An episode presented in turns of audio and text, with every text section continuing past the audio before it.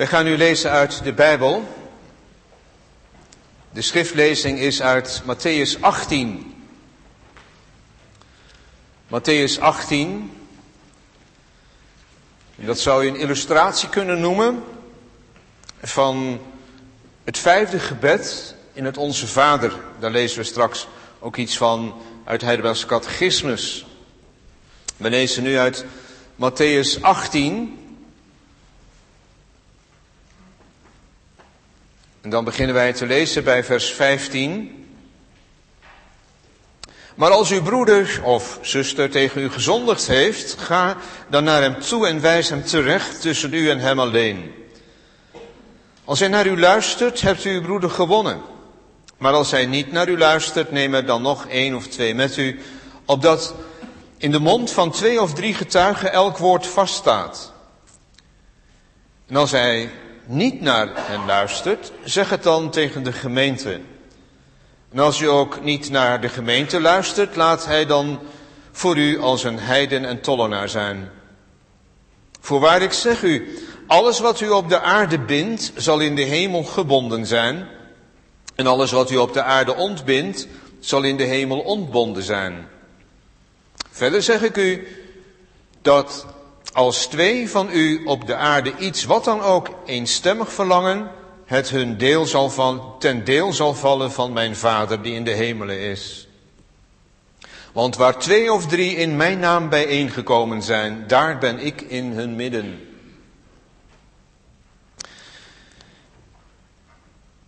Je kunt je voorstellen dat dat vragen oproept en dat uh, zal bij ons ook het geval kunnen zijn. Hoe werkt dat dan allemaal?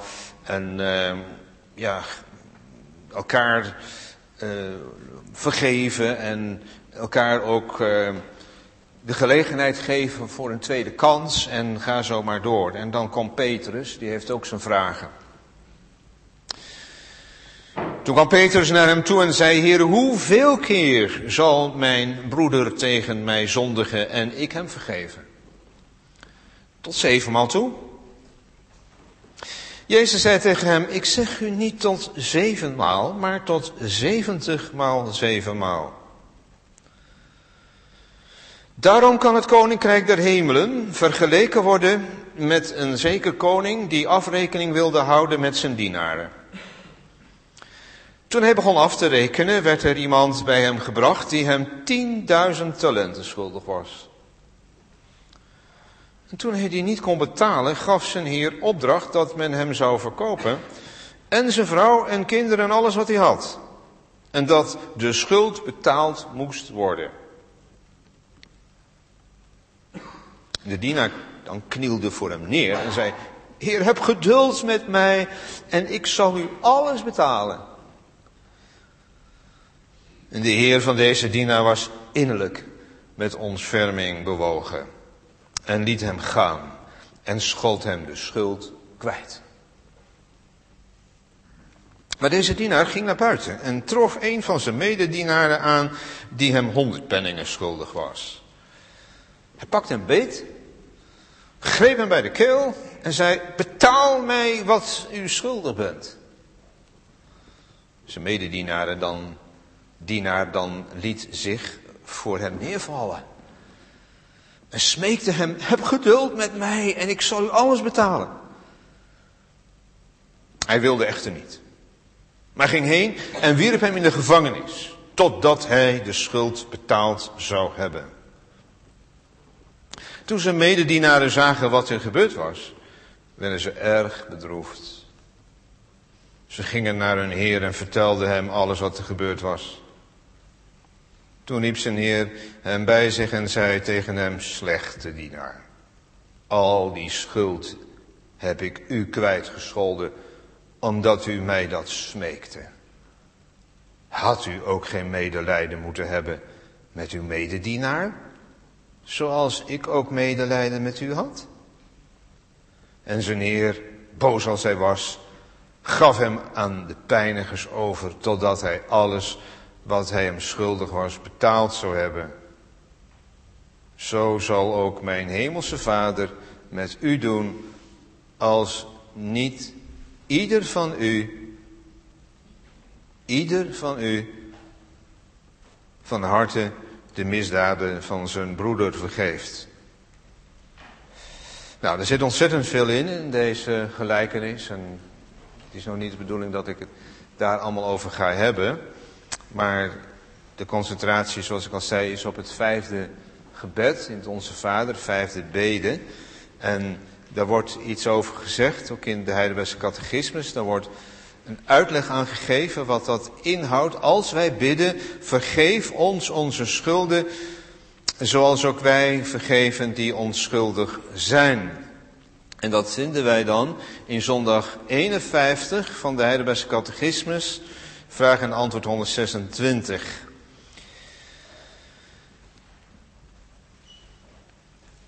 Wat is de vijfde bede? Vergeef ons onze schulden zoals ook wij onze schuldenaren vergeven. Dat wil zeggen, wil ons, arme zondaren, al onze zonden en ook de verdorvenheid die ons altijd aankleeft omwille van het bloed van Christus niet toerekenen.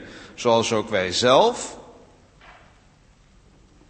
het als een getuigenis van uw genade in ons bevinden.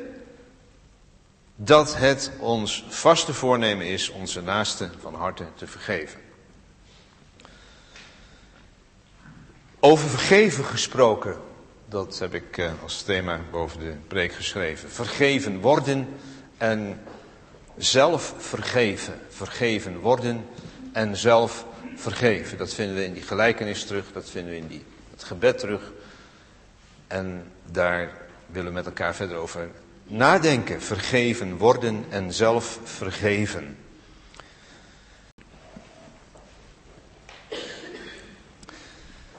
Gemeente van onze Heer Jezus Christus, hier thuis of op een andere plek waar je luistert of kijkt. Vergeven, daar knap je van op. Het wordt in het algemeen erkend door psychologen, psychiaters, dat dat werkt. Als je kunt loslaten, vergeven. Een Amerikaanse hoogleraar psychologie, Robert Enright, zegt het zo. Boosheid, dat kan je op de korte termijn iets opleveren, maar op de lange termijn werkt het tegen je. Wrok, boosheid, niet willen vergeven. Nou, uh, moet dat natuurlijk wel genuanceerd worden. Die nuance, die hoop ik straks aan het eind van de preek aan te brengen. Over vergeven gesproken. Dat uh, staat wel haaks op de cancelcultuur. Waarin wij met z'n allen op dit moment leven. Of dit moment, het is al natuurlijk langer gaande. Van uh, als je ook maar ergens iets fout doet, dan kun je de rest vergeten. Dan word je gecanceld. Afgefakkeld. Of op social media in stukjes geknipt. Of het nou politici betreft of medeburgers. Uh, de social media zijn daar een negatieve katalysator in. Cancelcultuur. Vergeven, over vergeven gesproken. Als het dan nog verder gaat, niet alleen het elkaar vergeven, maar vergeving nodig hebben van God staat dat ook haaks op het algehele gevoel van hoezo vergeving nodig van God. Je kunt nagaan als er in ons land, dan heb ik het dan maar even over ons eigen land, 70% van onze samenleving niets heeft met de persoonlijke God, ja, dan is er ook niets met schuld en zo. En vergeving. In een toespraak van de onlangs overleden Queen Elizabeth in 2011 in een kersttoespraak wijst hij op die twee dingen.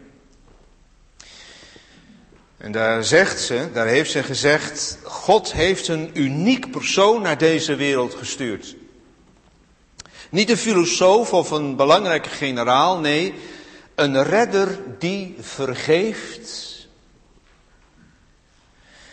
En dan zegt ze verder in die toespraak, vergeving is het hart van het christelijk geloof.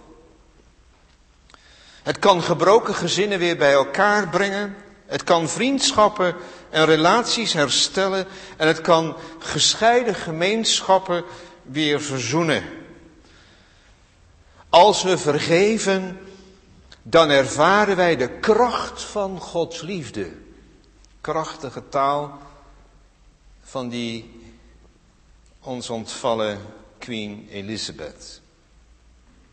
Als we vergeven, dan ervaren we de kracht van Gods liefde. Je hoort die twee lijnen daarin, dat wij elkaar vergeven, maar ook een redder nodig hebben, iemand die ons vergeeft. Over vergeving gesproken. Ik concentreer me eerst even, laten we ons eerst even richten op die woorden die de Heer Jezus heeft geleerd in het gebed, het Onze Vader. Vergeef ons onze schuld. Eerst dus die relatie met God. En dan toegespitst God de Vader. Want er wordt niet zomaar tot God gebeden. Nee, onze Vader die in de hemelen is. En je voelt, daar zit een diepe relatie in. Vader-kind, vergeef ons onze schulden.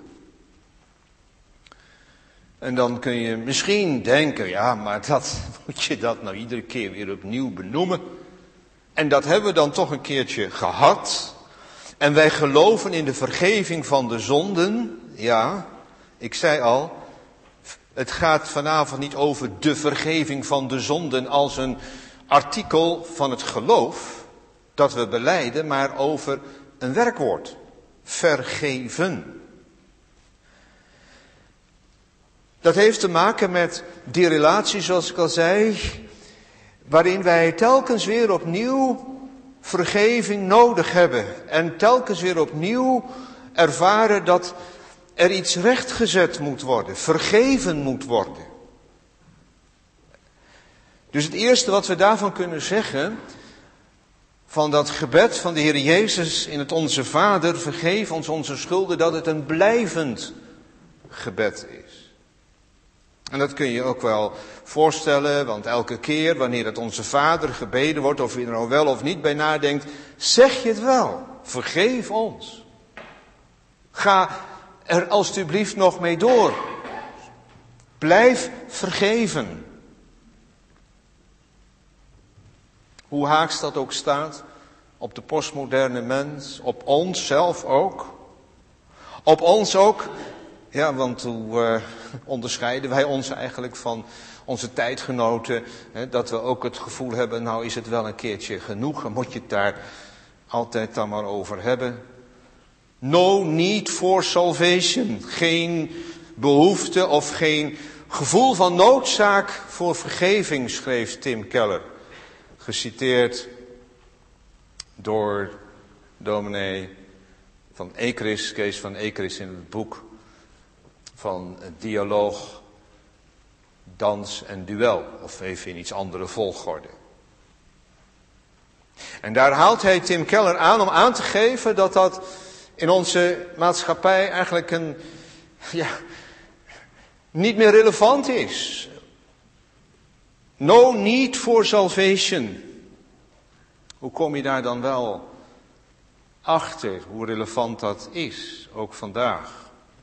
Onze catechismus noemt dat zo. Dat is eigenlijk nog een graadje erger. Wil ons arme zondaren al onze zonden en de, ook de verdorvenheid die ons altijd aankleeft, die altijd aan ons vastzit, vergeven. Arme zondaren, taalkundig misschien uh, wat, uh, wat minder mooi, maar het is uh, dubbelop zeg je misschien, maar het zet er wel even neer waar het over gaat. Het gaat over ons. Het gaat over u, jou en mij. En het gaat er niet om hoe ik naar mijzelf kijk en dat het voor mijn gevoel dan toch nog misschien wel wat meevalt.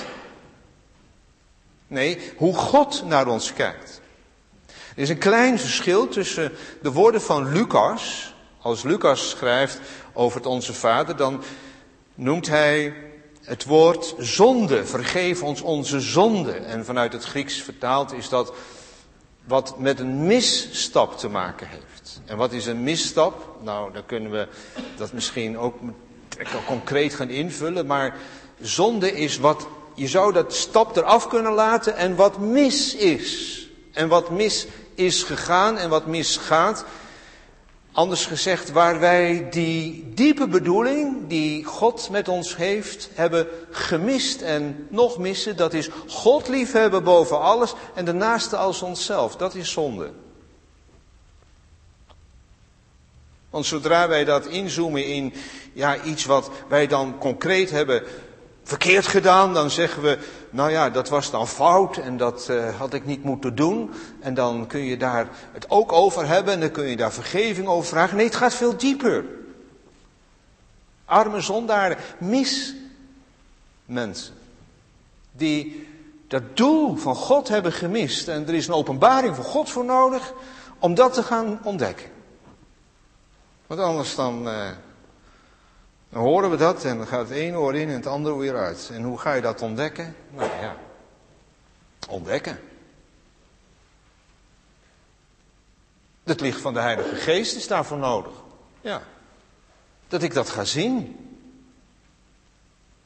Dat ik in die relatie met God sta, dat ik vergeving nodig heb en blijf nodig hebben. Die zonde die me altijd aankleeft. Altijd weer terugkomt. Paulus zei dat zo het goede dat ik wil, dat doe ik niet. En het kwade dat ik niet wil, dat doe ik. Ja. David. Dat kan natuurlijk ook, hè, dat je daar een beetje, ook als het over een concrete zonde gaat, dat wegstopt. En ik heb begrepen, ging het ook vanmorgen over, het verzwijgen. En dan komt op een gegeven moment die confrontatie. En dan komt Nathan. Gij zijt die man. Ja, er is een openbaring van God voor nodig. Er is een stem van God voor nodig. Er is een verkondiging voor nodig. Om het ook werkelijk op mijn hart te krijgen. In die zin. En van binnen ook te geloven. Ja, o God, ik ben die man. Zonder voor God vergeving nodig hebben. Even een lijn naar die gelijkenis die we hebben gelezen. Die slaaf, zo gezegd, van die heer, van die koning. Die had die schuld al een tijd. Dat kan niet anders, want het was een mega schuld. Hoe die dat had opgebouwd, het wordt allemaal niet bijverteld, maar het was serieus geld. En dan moet je niet gaan zitten uitrekenen zoveel talenten en dat is zoveel eh, waard en dat was toen zoveel uh, uurloon en zoveel jaarloon. Nee, het was gewoon mega. Het was gewoon niet te betalen. Het was oneindig groot. En dat had hij al lang. Alleen, uh, ja, dat uh, was een beetje zo. Misschien had hij het met zijn uh, vrouw er ook niet eens zo helemaal over gehad. Of hoe dan ook, gaat allemaal niet over. Maar het was pas hem, voor hem werkelijkheid toen die Heer hem daarmee confronteerde. Kijk, dit is het. En ga jij nou maar betalen. En dat gaat jou alles kosten. Het gaat zelfs je hele huis en je gezin alles kosten. En ja, wat gebeurde er toen? Wat gebeurde er met David toen hij ermee geconfronteerd wordt? En wat met Paulus? En wat is er met jou gebeurd? Wat is er met u gebeurd? Weet je het nog? Toen je ermee geconfronteerd werd. Ik ben die zondaar. Hier. God. Ja, dan, dan val je op je knieën. En dan kun je niet anders. Dan te zeggen, oh God, wees mij genadig. Dat is de knieval voor God.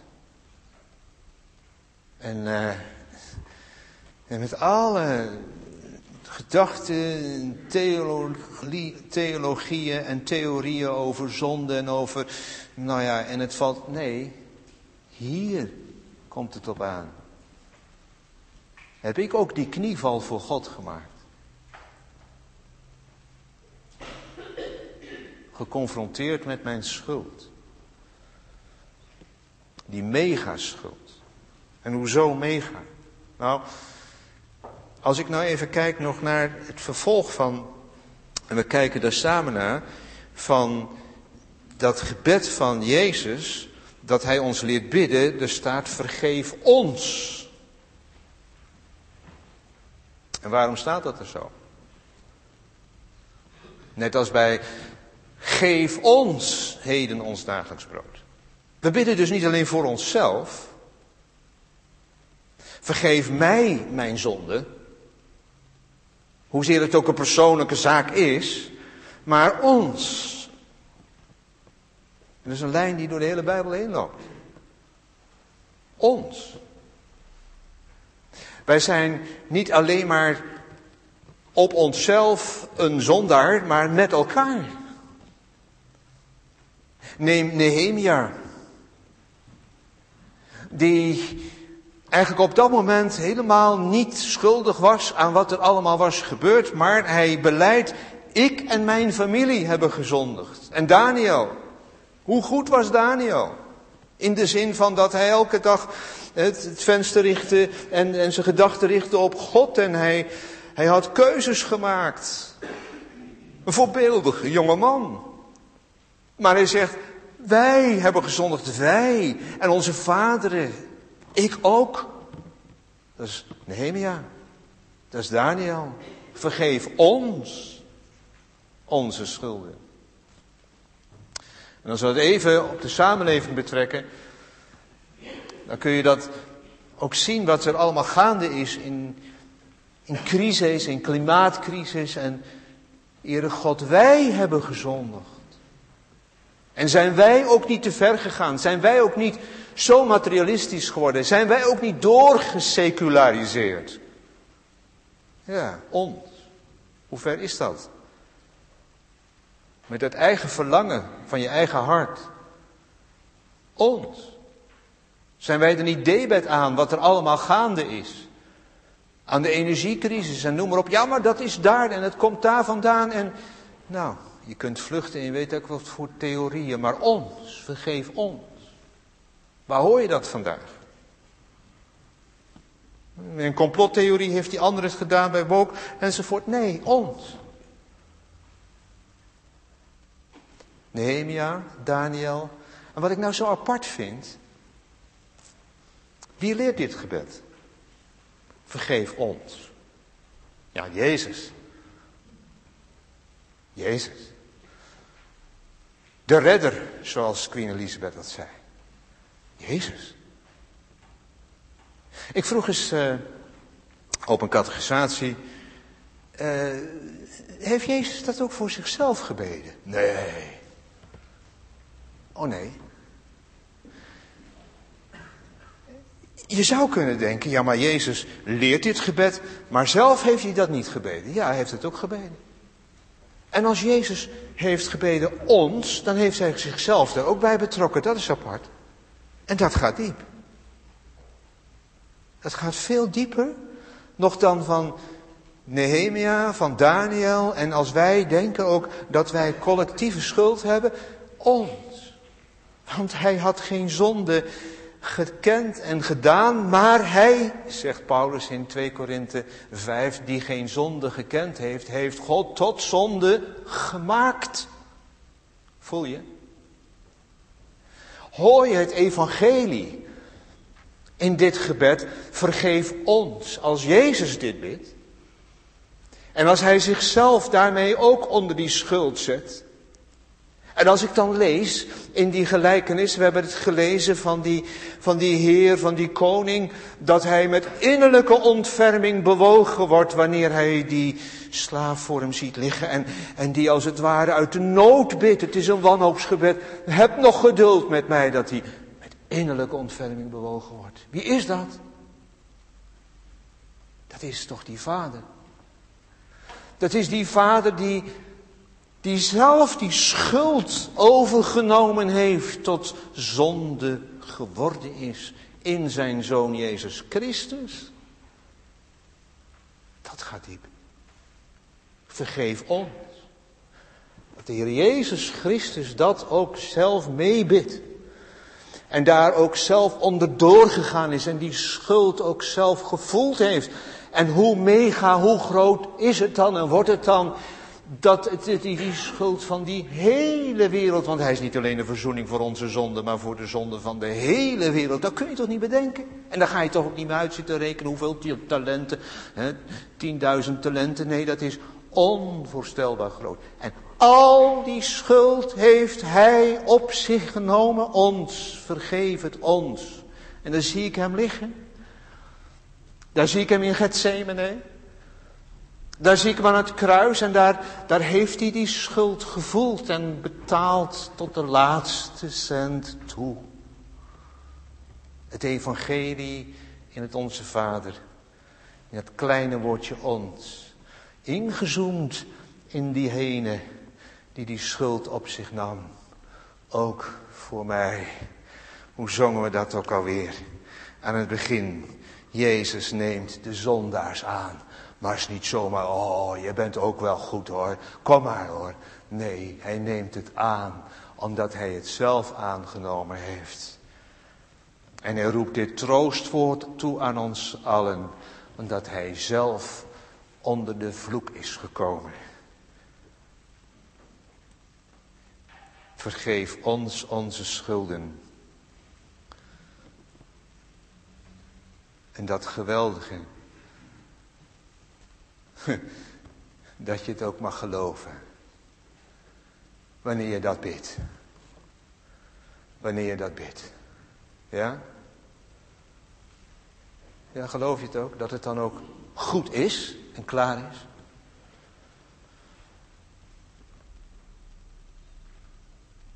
Wij zijn schuldiger en grotere zondaarden dan wij zelf zouden kunnen bedenken.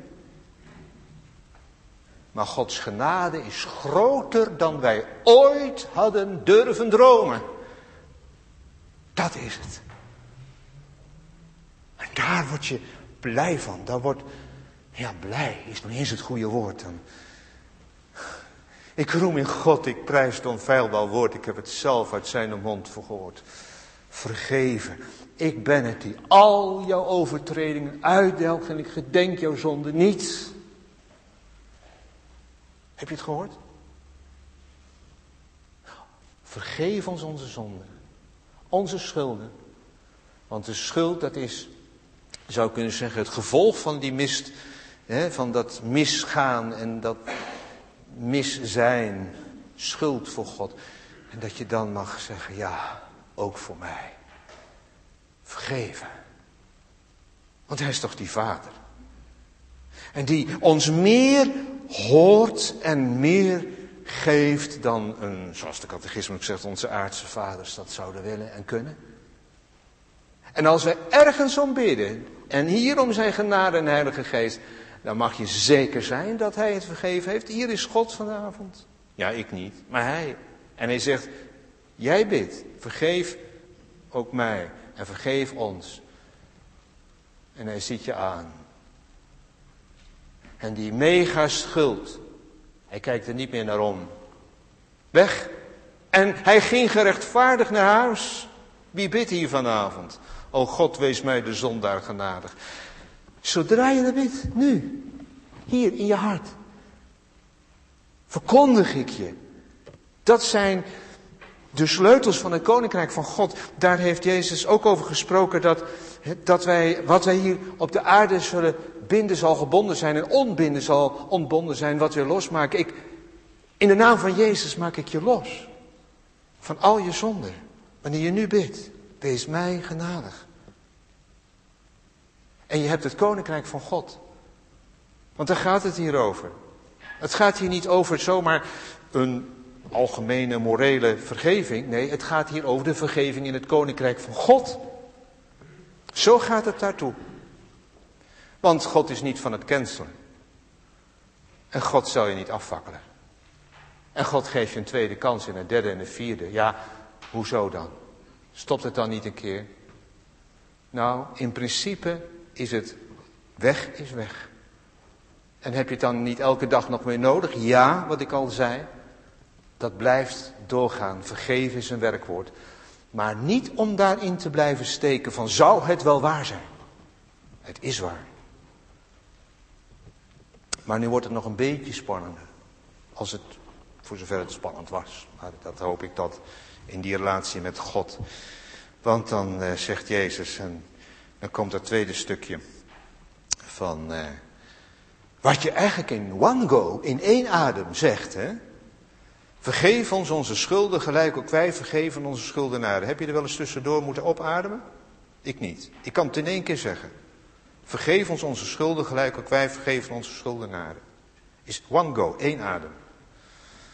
Maar zoals het één adem is, is het voor God ook één ding.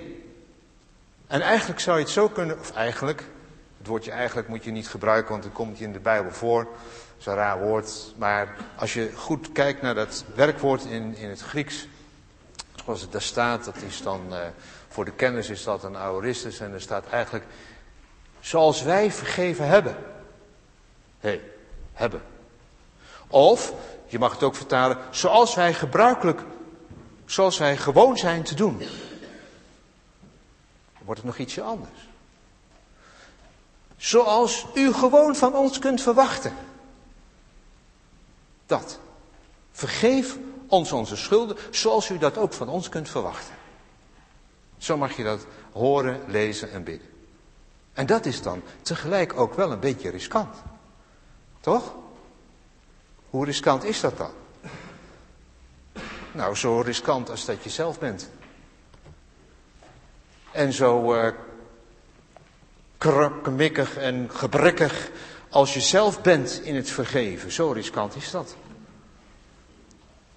Waar je zelf dan ook uh, misschien toch heel lang over uh, moet nadenken. En ja, ja, vergeven. Zoals ook wij vergeven onze schuldenaren. Hoe vaak dan, zegt Petrus? Zevenmaal? Nou, hij dacht, uh, dan heb ik eigenlijk al wel goed geschoten. Zevenmaal. Wie is er aan toegekomen om zevenmaal dezelfde persoon te vergeven? Nou, ik kan me zo zelf niet herinneren. Nou, dan heb je in ieder geval aan de goede kant. Nee, zegt Jezus. 70 maal 7 maal. En de fout die je nu zou kunnen maken is dat je dat gaat zitten uitrekenen. Dus 449. Nee, fout. Dit is niet een rekensom. Dit is gewoon een andere manier van zeggen van, daar hou je nooit meer op. Dat blijft altijd doorgaan. Oneindig. Zoals die megaschuld van die slaaf niet uit te rekenen is, zo groot, zo is ook wat wij aan elkaar vergeven, is oneindig. En dan eindigt deze gelijkenis, dat is wat Jezus dan toepast, als een, uh, een toepassing geeft, dat hij dan hier zegt, naar die barmhartige dienstknecht die dan die andere bij de keel gegrepen heeft. En oh, je zult en dit. En dat ga ik allemaal niet herhalen, want u kent het verhaal. Maar dan zegt hij, dan sluit het af. En zo zal ook mijn hemelse vader met u doen, als niet ieder van u. Hé, hey, ieder van u. Begon met Petrus. Hij vroeg het. En dan zegt Jezus in één keer, niet ieder van u van harte de misdaden van zijn broeder vergeeft. En dat sluit naadloos aan wat zijn eigen commentaar is in Matthäus 6 bij het Onze Vader. Want daar zegt Jezus, als hij dan dat Onze Vader heeft afgesloten in Matthäus 6, deze woorden. Want als u de mensen hun overtreding vergeeft, zal uw hemelse Vader u ook vergeven. Maar als u de mensen hun overtredingen geeft, niet vergeeft, zal uw vader uw overtredingen ook niet vergeven. Hoe spannend is dat dus? We zijn begonnen met vergeef ons. En we bidden tot de Vader. En we mogen vertrouwen op die vergeving. Is dat nu een anticlimax? Kun je het weer kwijtraken? Nou. Als ik nou eens ja zeg. Als ik nou zeg. Dat je die mega vergeving ook, hè, die geweldige vergeving kwijt kunt raken. Is nou eens ja zeg. Denk er zelf eens over na. Hoe spannend is dit? Ja, maar eens gegeven blijft gegeven en de enige troost in leven en sterven en eens gekocht blijft gekocht, ja. Maar vergeven is een werkwoord. En daarom hou die spanning erin. Laat dit woord gewoon zo op je inwerken. Dat diezelfde vader van wie je vergeving hebt ontvangen op een gegeven moment ook kan zeggen, ja nou heb jij het wel uh, laten zien, als jij niet vergeeft dan... Want dat kan ik toch gewoon van jou verwachten.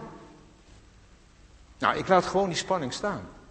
Ik ga er geen conclusies over trekken van, uh, dus heb je misschien die vergeving verspeeld als jij niet vergeven hebt, dan? Nee. Laat maar staan zoals het hier staat. Dan voel je het beste en dan voel ik zelf ook het beste dat we daar gewoon elke keer en elke dag en altijd weer aan moeten blijven denken. Wacht even, ik ben vergeven en nou die ander. En wat je dan schrijft en wat je dan tweet en wat je dan op Instagram of op uh, wat voor andere platforms uh, of e-mails dan ook naar iemand toe schrijft. Wacht even, ik ben vergeven en ik ken die vergeven van God. Hoe, hoe ga ik, welke toon sla ik nu eigenlijk aan? En welke ruimte geef ik aan die ander? En nu twee kanttekeningen. Dat is de nuance. Zou ik het in de leid aan het eind van de preek nog over hebben? Ja, een nuance. Eigenlijk twee kanttekeningen, twee nuances. Want vergeven of vergeving moet ook kunnen. Ja? En misschien zit er zo iemand hier in de kerk die dat herkent. Ik heb het geprobeerd, zeg je, ik heb mijn best gedaan, ik heb die brief geschreven, ik heb die kaarten gestuurd en ik ben er heel lang mee aan de gang gegaan, maar er komt geen antwoord en het is gewoon, die deur blijft gewoon dicht en dat is uiterst pijnlijk.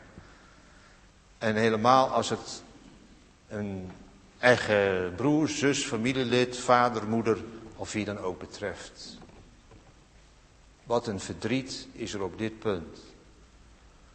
En de nuance die ik maak is dus een pastorale nuance. Omdat verdriet dat er is in veel gezinnen, in levens, en bij individuen, dat je de bereidheid hebt om te vergeven, maar het gaat niet. En daar heeft de catechismus ook over nagedacht. Hè? Dat vind ik wel mooi. Want er staat dat, uh, er staat dat wij het vaste voornemen hebben.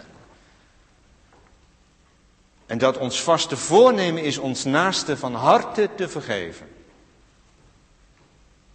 Dus is niet als een voorwaarde, maar het, het, de intentie, het, de, de, houding, het, het, vaste voornemen hebben om die ander te vergeven. En dat is iets waar je jezelf op mag onderzoeken. Heb ik inderdaad alles gedaan? Heb ik inderdaad het vaste voornemen om die ander te vergeven? Is dat mijn verlangen? Dat is waar het hier om gaat. Vergeving moet ook kunnen. Anders gezegd, vergeving moet ook een landingsplaats hebben. Er moet ook iets zijn van willen ontvangen. Tweede nuance die ik aan wil brengen, dat is ook een pastorale, is wanneer er dan van die andere kant geen boete, geen erkenning, geen erkenning, geen biecht geen beleidenis is. En je komt op die manier er ook niet verder mee. Dan kun je twee dingen doen. Dan kun je wrok blijven koesteren, boos blijven, bitterheid in jezelf ontwikkelen ten opzichte van die persoon die niet wil buigen die niet naar je toe komt, die hoezo vergeven zegt, wat heb ik gedaan? Ja. Of, en dat is de andere kant, en dat is de Bijbelse weg, en dat is wat Jezus hier ook leert. Afiemi. Dat is ook weer een Grieks woord. Nou, het lijkt wel een Griekse les vanavond. Nee, dat betekent af, dat betekent vanaf. Iemi is laten, loslaten. Dat is eigenlijk vergeving. Vergeving is loslaten. Van jezelf af laten, niet laten glijden. Zo van zand erover. Ja, het doet er wel toe wat die ander jou heeft aangedaan. Maar gelijk hebben is niet altijd hetzelfde als gelijk krijgen.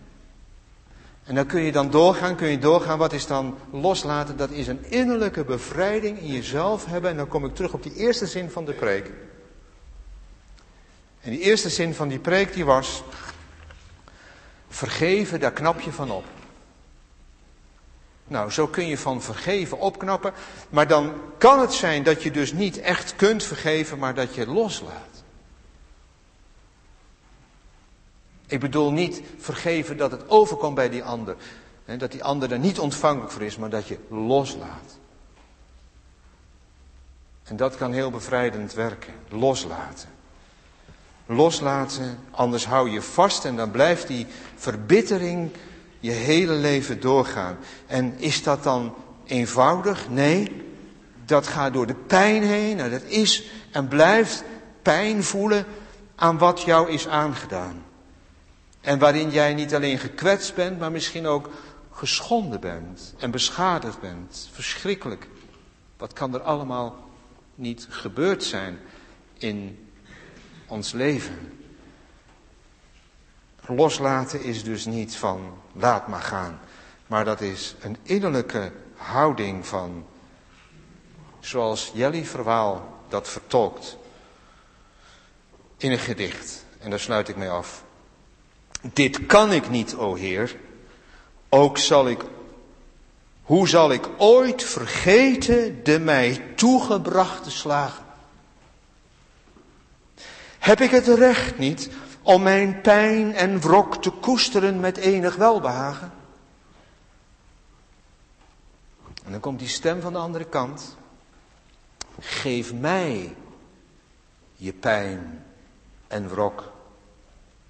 En laat mijn hand die strak gespannen snaren maar bespelen, totdat de melodie weer zuiver wordt en niet genezen wonden in je helen. O Heer, ik dank u. Hoe begrijp ik niet, maar ik voel dat binnenin iets gaat herstellen. En zomaar op een dag bemerk ik dan dat pijn en wrokgevoel mij niet meer kwellen. Amen.